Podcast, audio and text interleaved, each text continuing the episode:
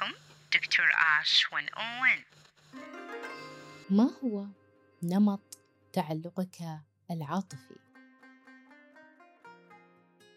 أرحب فيكم بحلقة جديدة لهذا الأسبوع من دكتور آش 101 يوم من الأيام وأنا كنت أتصفح صفحات الفيسبوك مرت علي مقولة لشخص يدعى بإكهارت تول. المقولة كانت كيف نستطيع التخلي عن التعلق بالأشياء؟ لا تحاول فالأمر مستحيل. التعلق بالأشياء والشغف بها ينتهي تدريجيا عندما نشعر فقط بأنها أصبحت لا تناسبنا بعد الآن. يوم قريت هاي المقولة تنفست الصعداء قليلا وشعور من الحزن انزاح عن قلبي.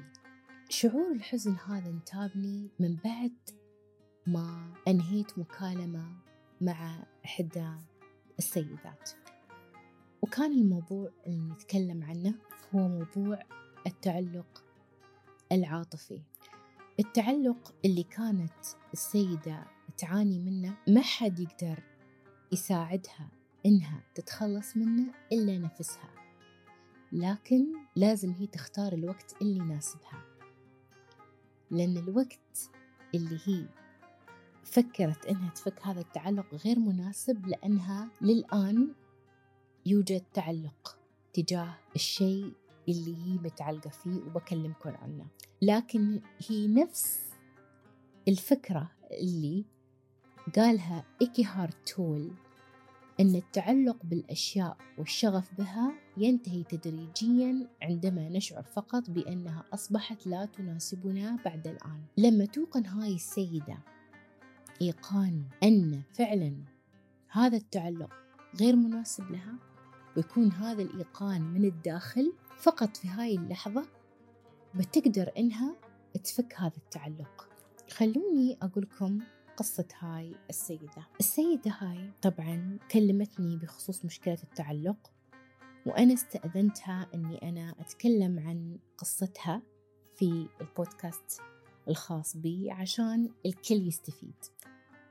السيدة هاي كانت تحب زوجها بجنون ولما كانت توصف لي شعور الحب تجاه زوجها أنا ما حسيت إن هذا شعور حب حقيقي. اللي حسيت فيه إن شعور الحب اللي هي تحس فيه تجاه زوجها كان شعور ألم بس مصدره حب هذا الزوج. صاحبة القصة كانت تحب زوجها بطريقة أسميها الطريقة الصعبة لأن هي بحد ذاتها درب هلاك وألم. ويوم بروي لكم القصة بتعرفون ليش أنا قلت هالشيء الزوجة من شدة حبها لزوجها كانت ما ترفض له أي طلب لو شو ما كان. كان صعب كان في وقت غير مناسب لها كان فوق طاقتها كان في وقت مثل ما نقول وقتها الخاص لكن ممكن هي تلغي أي شيء يخصها وراح تقدم أو تقدم زوجها على نفسها حتى لو كان هالشيء على حساب نفسها أو راحتها أو حتى عيالها. الزوجة هاي كانت مجنونة بزوجها لدرجة إن على قولتها هو أغلى شيء عندها. حتى أغلى من نفسها من عيالها من أهلها. هي ما تشوف أي شيء غيره في هالحياة. الزوج كان أيضا زوج جيد معاها.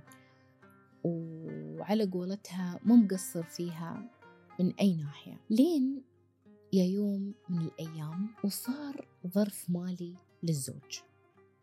وشرح لزوجته ظرف المالي ووضح إنه راح يكون لفترة مؤقتة فقط. الزوجة ما تحملت حزن زوجها وما تحملت نظرة الكسر اللي في عينه. فقالت ما خليت أي شيء ثمين عندي إلا وبعته. ما خليت ذهب ما خليت مبلغ كنت يعني حاطتنه على جنب للزمن. تقول اضطريت آخذ سلفية عشانه. عشان أسد أي نقص في البيت. وما أحسسه بأي نوع من الضعف أو الكسر أو الهزيمة قدامي لكن الوضع ظل لفترة طويلة شوي. ظل لمدة سنتين. علما أن زوجها قال له أن الوضع راح يكون لمدة مؤقتة وما سألته.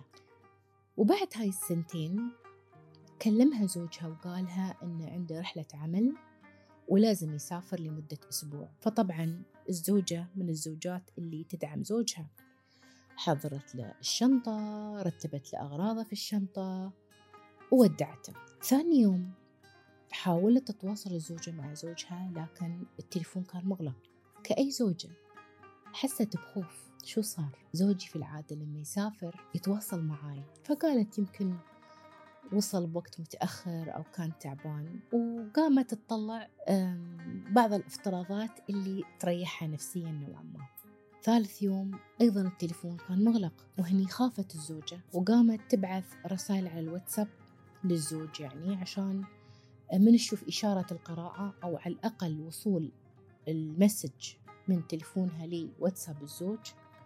تعرف أن التليفون فتح لكن للأسف ما صار هذا الشيء. بعد ثلاثة أيام الزوجة استقبلت اتصال من امرأة ما كانت تعرفها.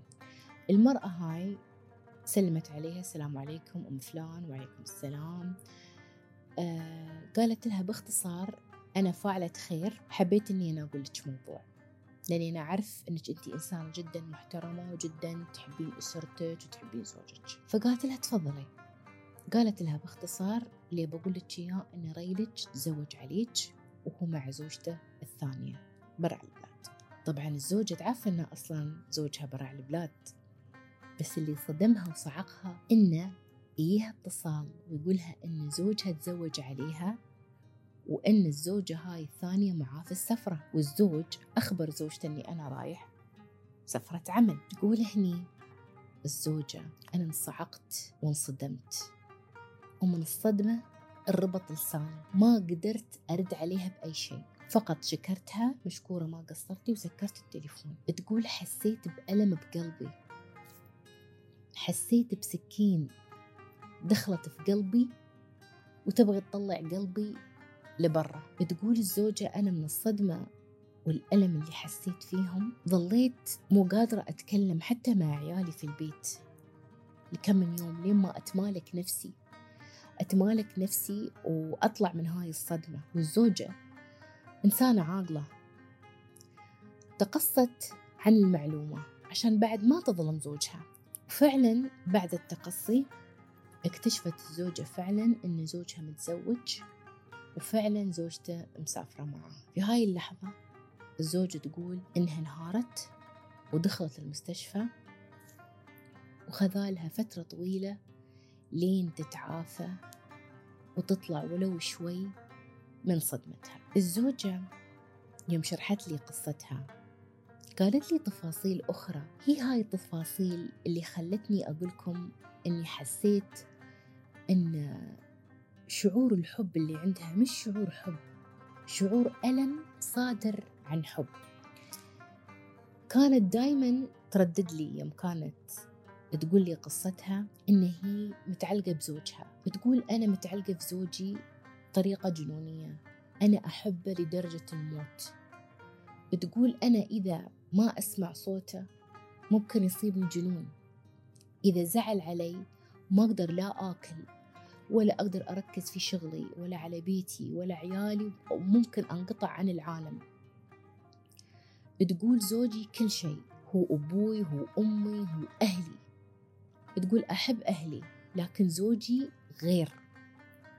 وطبعا هاي المشاعر اللي هي حست فيها تجاه, تجاه زوجها ما كانت إلا بسبب معاملة الزوج الطيبة لزوجته. تقول كنت أقدمه في كل شيء يخص حياتي. تقول عندي طموحات وأحلام وقفتهم عشانه عشان أتفرغ له وأتفرغ لبيته وعياله.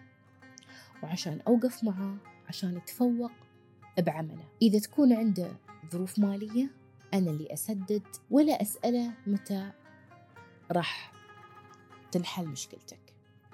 تقول اللي قتلني في الموضوع أن على حبي له وتعلقي فيه. كيف غدر فيني وتزوج علي؟ من بعد ما قالت هاي الجملة دخلت في صمت خوفني لأنه صار انقطاع في الصوت وصمت رهيب فخفت أنه صار عليها شيء.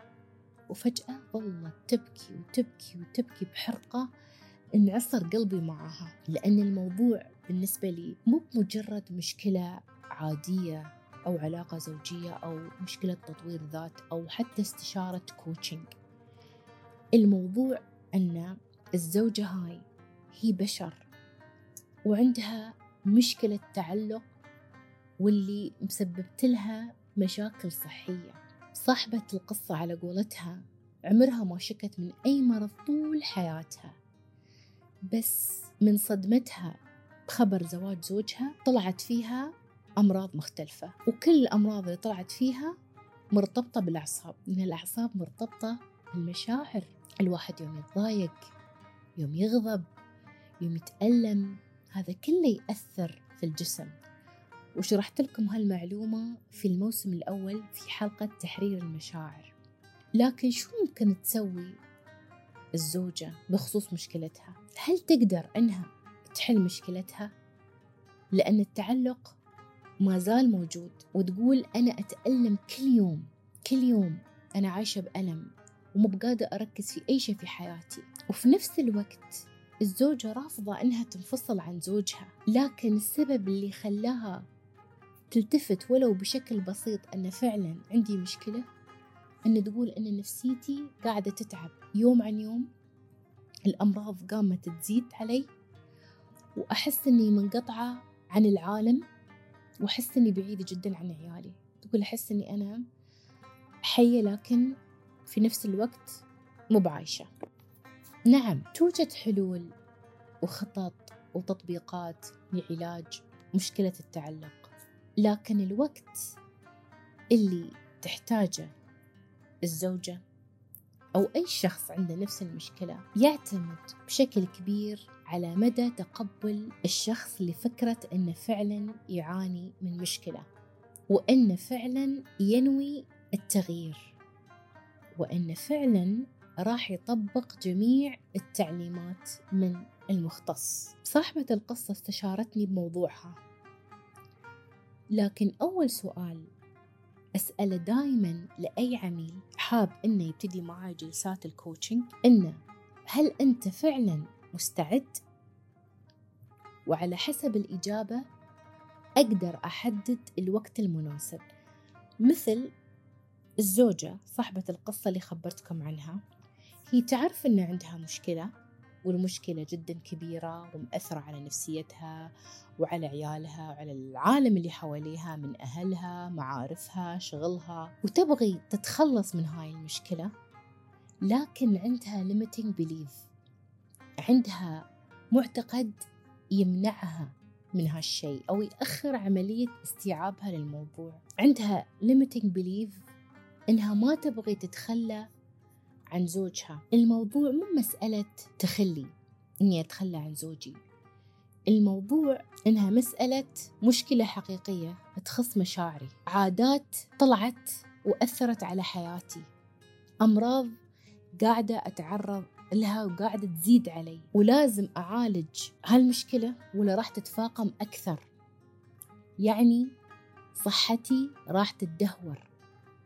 وراح أخسر أشياء أكثر مش أشياء قليلة راح أخسر أشياء أكثر مع الأيام إذا استمريت بدون علاج لكن هل هي فعلا جاهزة؟ هل هي فعلا جاهزة إنها تتعالج؟ لا الزوجة تحتاج وقت إنها تقتنع فعلا إن عندها مشكلة ولا ما راح ينفعها أي علاج ولا جلسة كوتشنج لكن أتوقع إنها من تشوف إن حياتها راح تتدهور أكثر وبتحس إنها بعيدة عن عيالها ومنقطعة تماما عن العالم. يمكن بعدين تستوعب إن فعلا أنا عندي مشكلة ولازم إني أتعالج. أنا ما راح أتكلم عن جانب المشكلة بشكل خاص لأنها مشكلة زوجية وفيها تفاصيل وجوانب عميقة ما راح أخوض فيها. وما راح أتعمق في التعلق وأسبابه وايد. لكن راح أعطيكم لمحة لدراسة قريتها بخصوص التعلق. وهي مستمدة من دراسة قام فيها باحث اسمه جون بولبي. وهاي الدراسة تفسر وتحلل ليش يكون فينا كأفراد نمط تعلق معين. الدراسة هاي جذبتني لأنها تبتدي من السنوات الأولى من عمر الطفل. النظرية هاي اسمها نظرية التعلق وتشرح شخصيات الناس وأسباب تعلقهم وراح تفيدكم إذا كان عندكم أبناء. لأن الفترة الأولى من حياة الأطفال هي اللي تحدد شخصياتهم فيما بعد يوم يكونون كبار. طبعا في ثلاث مجلدات كانت في الفترة من 1969 ل 1982 على الترتيب التالي كانت عن التعلق والانفصال والفقدان. ونظرية التعلق هاي نشأت في 1958 في مرحلة الثمانينات تقريبا. النظرية هاي تعتبر نظرية نفسية وتطورية وسلوكية. وهاي النظرية تنص على أن نوع الترابط أو العلاقة بين الشخص اللي يرعى الطفل سواء كان الوالدين أو أحدهم أو الأقارب أو أي شخص ثاني علاقته مع الطفل نفسه في أول مراحل حياته وشو أثر هذا الرباط أو العلاقة على الأطفال من سنوات عمرهم الأولى لين مرحلة البلوغ وتأثير هذا التعلق عليهم في المستقبل في علاقاتهم العاطفية أو مع الناس أو حتى مع الأشياء. لأن التعلق ممكن يكون تعلق عاطفي ببشر وممكن حتى يكون تعلق بأشياء. وأيضا في عالمة نفس تطويري اسمها ماري آينسورث قدمت بحث أيضا يعزز المفاهيم الأساسية لنظرية التعلق اللي كلمتكم عنها وطورت منهج لعدد من أنماط التعلق عند الأطفال. وهي كالتالي التعلق الآمن التعلق الغير آمن اللي هو القلق التعلق المتجنب اللي هو الانطوائي والتعلق الغير منتظم اللي هو المشوش. التعلق العاطفي الآمن اللي يميز هذا النوع من التعلق أن الشخص اللي يرعى الطفل يستجيب له بطريقة سريعة وبشكل منتظم ويراعي احتياجات الطفل. فبالتالي تكون في علاقة قوية بينه وبين الشخص اللي يرعى. وهالشيء يؤدي إلى أن الطفل لما يكبر يكون شخص مستقل عنده ثقة بالآخرين عنده اتزان عاطفي وما عنده خوف إنه هو يكون في علاقة مع الناس. عنده قدرة تواصل جيدة مع الناس. إنسان واضح بالأمور اللي يحبها وبالتالي يقدر يوضحها للآخرين أو شريك الحياة. وعنده احترام لذاته ومنفتح جدا للعلاقات مع الآخرين. التعلق العاطفي الغير آمن اللي هو القلق. اللي يميز هذا النمط أنه الشخص اللي يرعى الطفل يكون غير منتظم في تلبية احتياجات الطفل. يعني مرة يستجيب ومرة لا يستجيب ومرة يكون في إهمال تجاه الطفل. الطفل مثلا احتياجاته بسيطة يبغي مثلا حلاوة يبغي آه، ألعاب مرة في استجابة ومرة في تطنيش. شو نتيجة هاي العلاقة؟ هاي العلاقة تنتج شخص عنده نوع ما مثل ما نقول نقص عاطفي. يرغب يوم يكون في أي علاقة إنه يحصل حب كثير بس يكون عنده خوف وقلق من فكرة الرفض أو الهجر.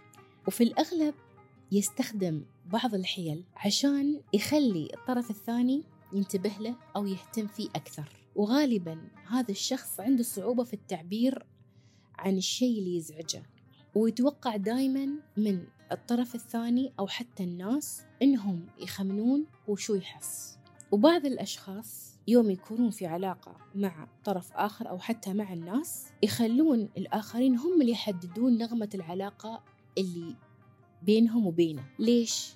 لأنه يخاف أنه يزعلهم في شيء أو يغضبهم في شيء بعدين يكون في رفض أو هجر. التعلق العاطفي المتجنب أو الانطوائي مثل ما يقولون. اللي يميز هذا النمط أن اللي يرعى الطفل يكون يعني مثل ما تقولون قليل الاستجابة لرغبات الطفل. والفترات اللي الطفل يشوف فيها هذا الشخص اللي يرعاه قليلة جدا. ساعة في اليوم. نص ساعة مرات حتى ما يشوفه. ليش؟ لأنه الشخص اللي يرعاه مشغول عنه أصلا. وشو اللي ينتج؟ اللي ينتج شخص عنده تناقض في علاقاته. شخص يبغى يكون قريب من الناس أو من شريك الحياة. وفي نفس الوقت يبغى يظل بعيد. عنده خوف ويبغي يبقي مساحة شخصية نوعا ما. مثل ما تقولون شعرة معاوية. يعني إذا صار شيء في العلاقة أنا ما راح أتأثر في مسافة. وهالشخص جدا يقدس استقلاليته ودائما يستخدم استراتيجيات يعني فيها تباعد وقرب تباعد وقرب لأنه عنده خوف عنده خوف. خوف أن الناس أو شريك الحياة ما يلبي احتياجاته ما يلتفت لمشاعره لاهتماماته فعنده خوف. فغصبا عنه خلاص نما هالشي فيه من هو صغير لين ما كبر. وهذا الشخص عنده شوية صعوبة في التواصل مع الآخرين لأنه غير مشبع عاطفيا منذ الصغر. فشوي ما يكون عنده ثقة بنفسه ولا في الآخرين. فلما يكون في نقاش معين ما يقدر يناقش بطريقة صحيحة. والأغلب أنه ينفعل أو أنه يغضب أو أنه ينفجر أو أنه يطلع من المكان اللي هو فيه. ما عنده قدرة تواصل مثل ما قلنا. النمط اللي بعده اللي هو التعلق العاطفي الغير منتظم المشوش. هذا النمط يتميز أن الشخص اللي يرعى الطفل تصدر منه سلوكيات فيها ترهيب فيها صراخ فيها تهديد وممكن نقول سوء معاملة للطفل. يعني الطفل ما يعرف أنا ليش غلطان أنا ليش ما حصلت هالشي أنا ليش منعت من هذا الشيء. بس خلاص لا تسوي هالشيء آه خلاص ممنوع عليك. خلاص آه ما تقدر تحصل هالشيء ما في شرح ما في شيء. شو اللي ينتج من هذا النمط؟ اللي ينتج من هذا النمط شخص عنده خوف وقلق خاصة يوم يكون علاقات مع الناس أو مع شريك حياة. هذا الشخص يكون عنده معتقد أنه غير محبوب وأنه راح يعيش حياته وحيد. وما حد راح يحب إنه يعيش معاه. دائما عنده فكرة إنه مكروه وإنه منبوذ وإنه ما عنده أي قيمة. يعني ما عنده أي تقدير لذاته ولا يشوف قيمة لنفسه. وفي الأغلب هذا الشخص دائما يحس بالوحدة حتى لو كان مع الناس دائما يحس بالوحدة. لأنه يشوف نفسه ما يستحق أن يكون سعيد ما يستحق أن يكون يعني مرتاح. حتى لو حتى لو مثلا حصل شيء حلو يحس إنه ما يستاهله. مثلا يت ترقية ما يقدر يفرح يحس إنه ما يستحق هالشيء عادي. آه أي شيء يصير له حلو يحس إن هالشيء وايد عليه. وهو يبغى يتواصل مع الناس آه يبغى يكون يعني في علاقة طبيعية مع أي شخص حواليه. لكن دائما هو عنده خوف ويخاف إنه إذا الناس شافوا الجانب السلبي منه أو هذا الجانب الوحيد راح يبتعدون عنه. فيوم يجي حد يحبه من خاطره ما يقدر يستوعب أنه هو يستحق أن حد ممكن يحبه لأن استحقاقه الذاتي very low. وصعب أنه يصدق إذا حد بيقول له أنا أحبك ولا أنت شخص مثلا موهوب صعب أنه يستوعب هالشيء هاي بعض الأنماط اللي أنا قريتها من هاي الدراسة اللي لو فهمناها بنفهم شخصياتنا الحالية ونمطها العاطفي لأنها تعتمد بشكل كبير على مراحل الطفولة مثل ما قلت لكم. وأيضا معرفتنا لهاي الأنماط بتفيدنا في حال عنا أطفال أو حتى أطفال عن معارفنا مثلا ممكن نحن نفيدهم بهاي المعلومات ليش لا؟ أيضا ممكن نشوف النمط العاطفي الأقرب لشخصياتنا الحالية وبالتالي نقدر نطور حتى على شخصياتنا الحالية ليش لا؟ بخصوص مشكلة التعلق للزوجة اللي قالت لي قصتها. الجانب اللي يهمني ومجالي اللي أبرع فيه هو موضوع التشافي. التشافي من أي مشاعر أو عادات سلبية ممكن إنها تأثر على الشخص. بالنسبة للتشافي لازم يتم تحديد نوع التعلق سواء كان عاطفي بشخص مثل أم أب أخوان صديق شريك حياة إلى آخره وممكن تعلق بالأشياء. يعني في ناس يتعلقون بأشياء أموال سيايير. ملابس آه ممكن بطانيات في وايد أمور. ومثل ما قلت لكم بداية طريق التشافي يكون عن طريق اعتناقك كشخص أن فعلا عندك مشكلة. كيف أقتنع؟ كيف أقتنع أنا كشخص أن عندي مشكلة تعلق تأثر على حياتي؟ أول شيء شوف الجوانب. شوف الجوانب اللي تقول لك أن مسارك صح أم خاطئ؟ هل أنت سعيد أم غير سعيد؟ هل جميع احتياجاتك المهمة ملباة أم لا؟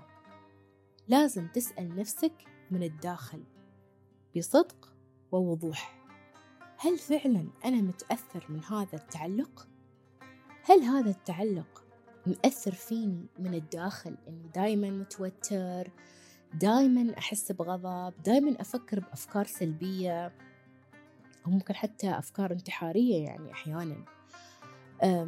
هل بسبب هالتعلق أنا دايما منهك ومتعب؟ هل هالتعلق مأثر على علاقتي بربي؟ أحيانا في ناس من كثر التعلق اللي فيهم يحسون بحزن وألم ممكن حتى ينسون صلواتهم. علاقتهم برب العالمين تكون ضعيفة. في ناس ينسون فروضهم. في ناس يقصرون بحقهم تجاه رب العالمين وما يقرون مثلا قرآن مع أن أن قراءة القرآن وتأدية الفروض وتقوية علاقتك برب العالمين هالشيء يقوي الإنسان. ما يخليه إنه يفكر بأشياء ممكن إنها تحزنه أو تألمه. ليش؟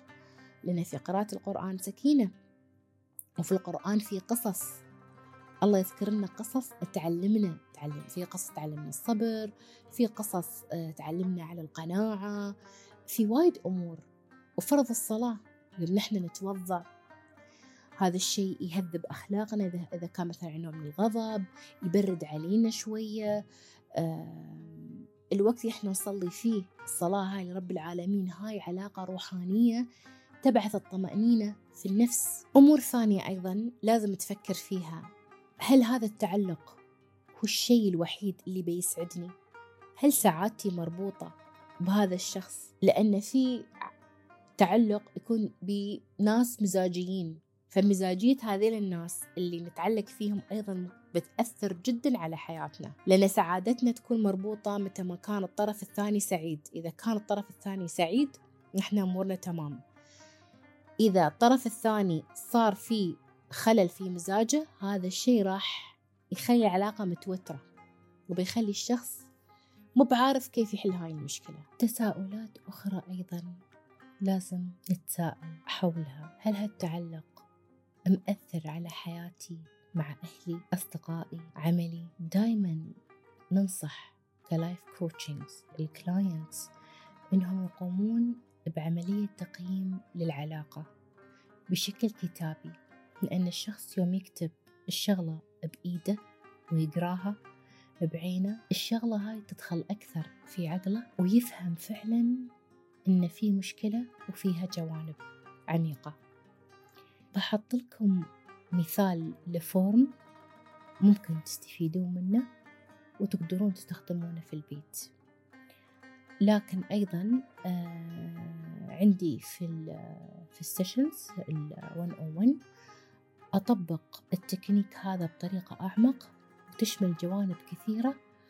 تعطيكم صورة واضحة وتفصيلية أكثر عن الوضع اللي أنتوا فيه. بعد عملية التقييم وإقرار الشخص داخليا أنه فعلا يحتاج أنه يتغير بتكون في مشاعر مختلطة بين أن الشخص فرح أنه فعلا يبغى يتغير لكن ما يقدر يتخلى عن هذا التعلق.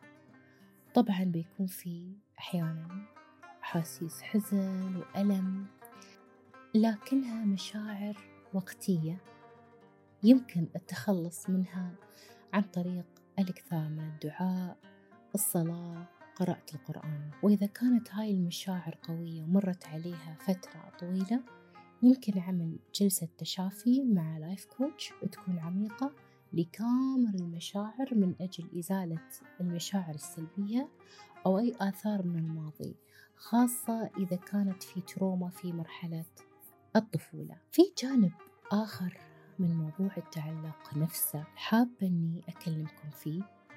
عسى أنكم تستفيدون منه ممكن يساعدكم أنه يخفف من شعور التعلق اللي عندكم بإذن الله تعالى. بتكلم عن تجربة شخصية صارت لي في مرحلة الطفولة لأني أحب أشارككم بتجارب سواء تكون شخصية أو آه، قصص كالقصة اللي آه، كلمتكم عنها في بداية الحلقة. أنا كان عندي تعلق شديد اللي هو تعلق عاطفي بإحدى معلمات الصف الأول. خاصة أني كنت منتقلة من مدرسة أخرى وتركت كل أصدقائي ومعلماتي وتعودت على البيئة في المدرسة القديمة.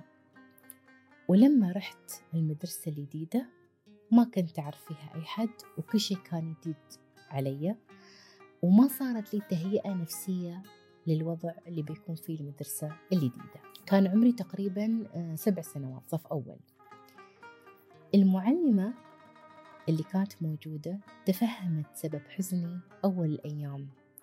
خاصة أني كنت وايد أبكي ووايد كنت حزينة وايد كنت متعلقة بمدرستي القديمة يعني لأني كنت طفلة متعودة على بيئة معينة يعني. وطبعا كل يوم كانت عندي مناحة في البيت إني ما أحب أروح المدرسة وما بأروح المدرسة. الله يرزقك الخير يا أمي الحبيبة اللي تحملت دموع اليومية. المهم صارت المعلمة تحاول تسايسني شوية تحاول إنها تحببني فيها أول شي كمعلمة تحاول تعرفني على طالبات الصف وأنا كنت رافضة إني أتعرف على أي حد. وأذكر أني في أول فترة كنت في فترة الفسحة دايما كنت آه، أخذ اللانش بوكس وأكل لوحدي يعني ما كنت أجلس مع أي حد. لين شوي شوي تأقلمت. تعرفت على البنات أكثر وعقدت صداقات معاهم وحبيت المعلمة وأسلوبها وكيف كانت صابرة علي فتعلقت بالصف والمعلمة. وما شاء الله يعني كنت أنا من المتفوقين حتى طلعت الأولى في هاي السنة لكن وين كانت المشكلة أو وين ظهرت مشكلة التعلق عندي.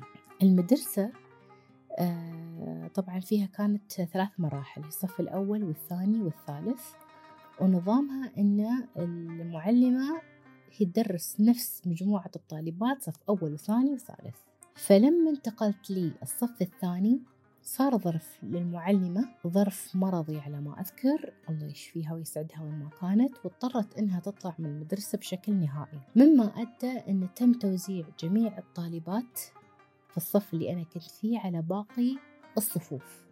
فصار في تغير في المعلمات وتغير حتى في طالبات الصف. لو تتخيلون كيف شعور الحزن اللي حسيت فيه. أول يوم دخلت في صف غريب علي وأنا يعني ما مداني كم شهر تأقلمت على المدرسة أو على الصف وعلى المعلمة. حسيت أن الصف اللي دخلت فيه كان كله وحوش والمعلمة اللي كانت موجودة ما حبيتها.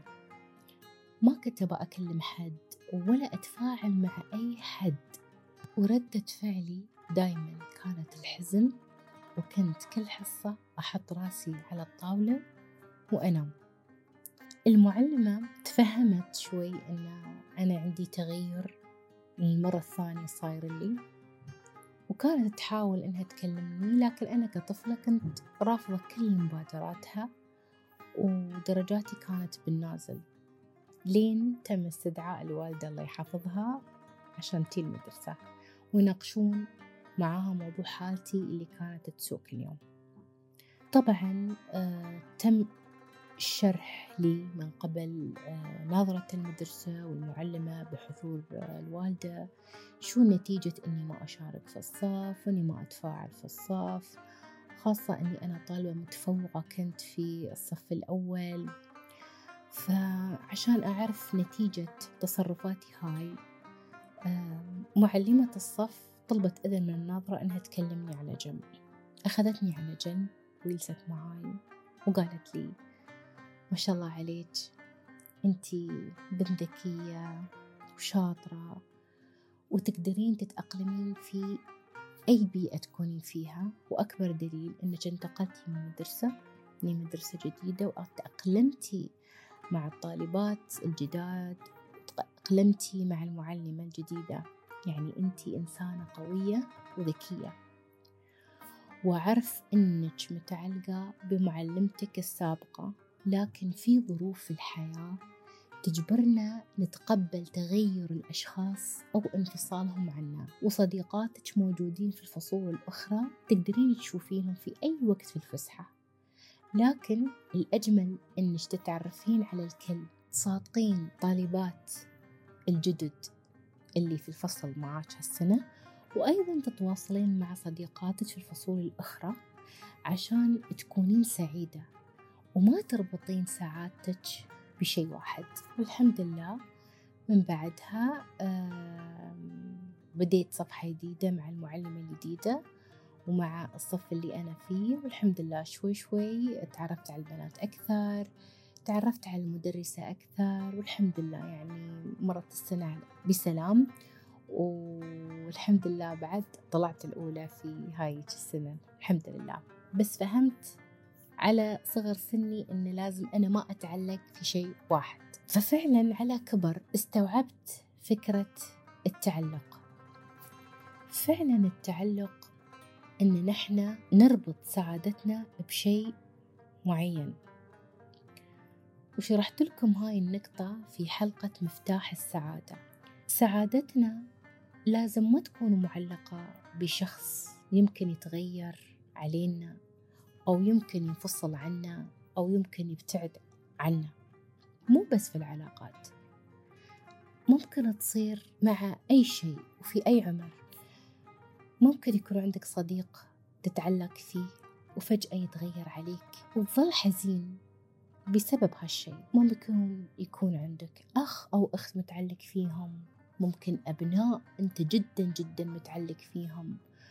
ممكن أهل أنت متعلق فيهم. ويمكن يكون هذا التعلق أشياء مثل التعلق بالمال فتربط سعادتك بوجود المال. إذا راح المال راحت السعادة. ممكن تكون سيارة ممكن يكون حيوان أليف. ممكن وممكن وممكن. لكن الحقيقة تقول أن كل شيء تقدير ورزق من رب العالمين. أحيانا يمكن نتعلق بأشخاص والله يشوف أن نحن وايد متعلقين فيهم. وحياتنا تدور حواليهم. فممكن الله يكتب فراق معين أو موقف معين يصير يكون بمثابة الصحوة لنا. خاصة إذا كان هذا التعلق ينسينا أنفسنا وصحتنا أو حتى واجباتنا مع رب العالمين. من كثر التعلق في ناس ممكن هم يأدون فرض الصلاة لكن يفكرون بالشخص اللي متعلقين فيه أو يفكرون بالمال اللي بيصرفونه أو اللي بيجنونه. آه في ناس ممكن يصلون يحسبون فلوسهم. آه وفي أيضا أفكار وأفكار وأفكار تأخذ الواحد حتى عن أهم لقاء في اليوم اللي يكون بينه وبين رب العالمين. كل شيء بيد رب العالمين. الله رزقنا الأشخاص أو الأشياء اللي نحن متعلقين فيها ونحبها. الله رزقنا المال الله رزقنا الوظيفة الله رزقنا الناس اللي نحبهم. كل شيء يتغير. كل ما عليها فان. ويبقى وجه ربك ذو الجلال والإكرام. كل شيء فان في هذا العالم. فليش نتعلق لهاي الدرجة؟ بأشخاص أو أشياء وننسى أنفسنا أحيانا. في قصة أخرى سمعتها عن التعلق لكن هاي المرة التعلق بالأشياء. وقصتنا هاي قصة التعلق بالمال.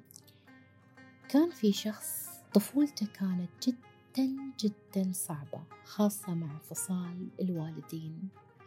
وعدم الاهتمام به حيث استجابة الأم له كانت جدا جدا ضعيفة.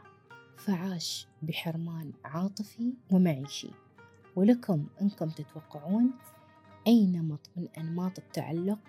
هذا من الأنماط اللي شرحت لكم إياها في بداية الحلقة. قرر هذا الشخص أنه يجتهد في دراسته ويتخرج من مدرسته عشان يقدر يدخل جامعة مهمة وينطلق لعالم الأعمال.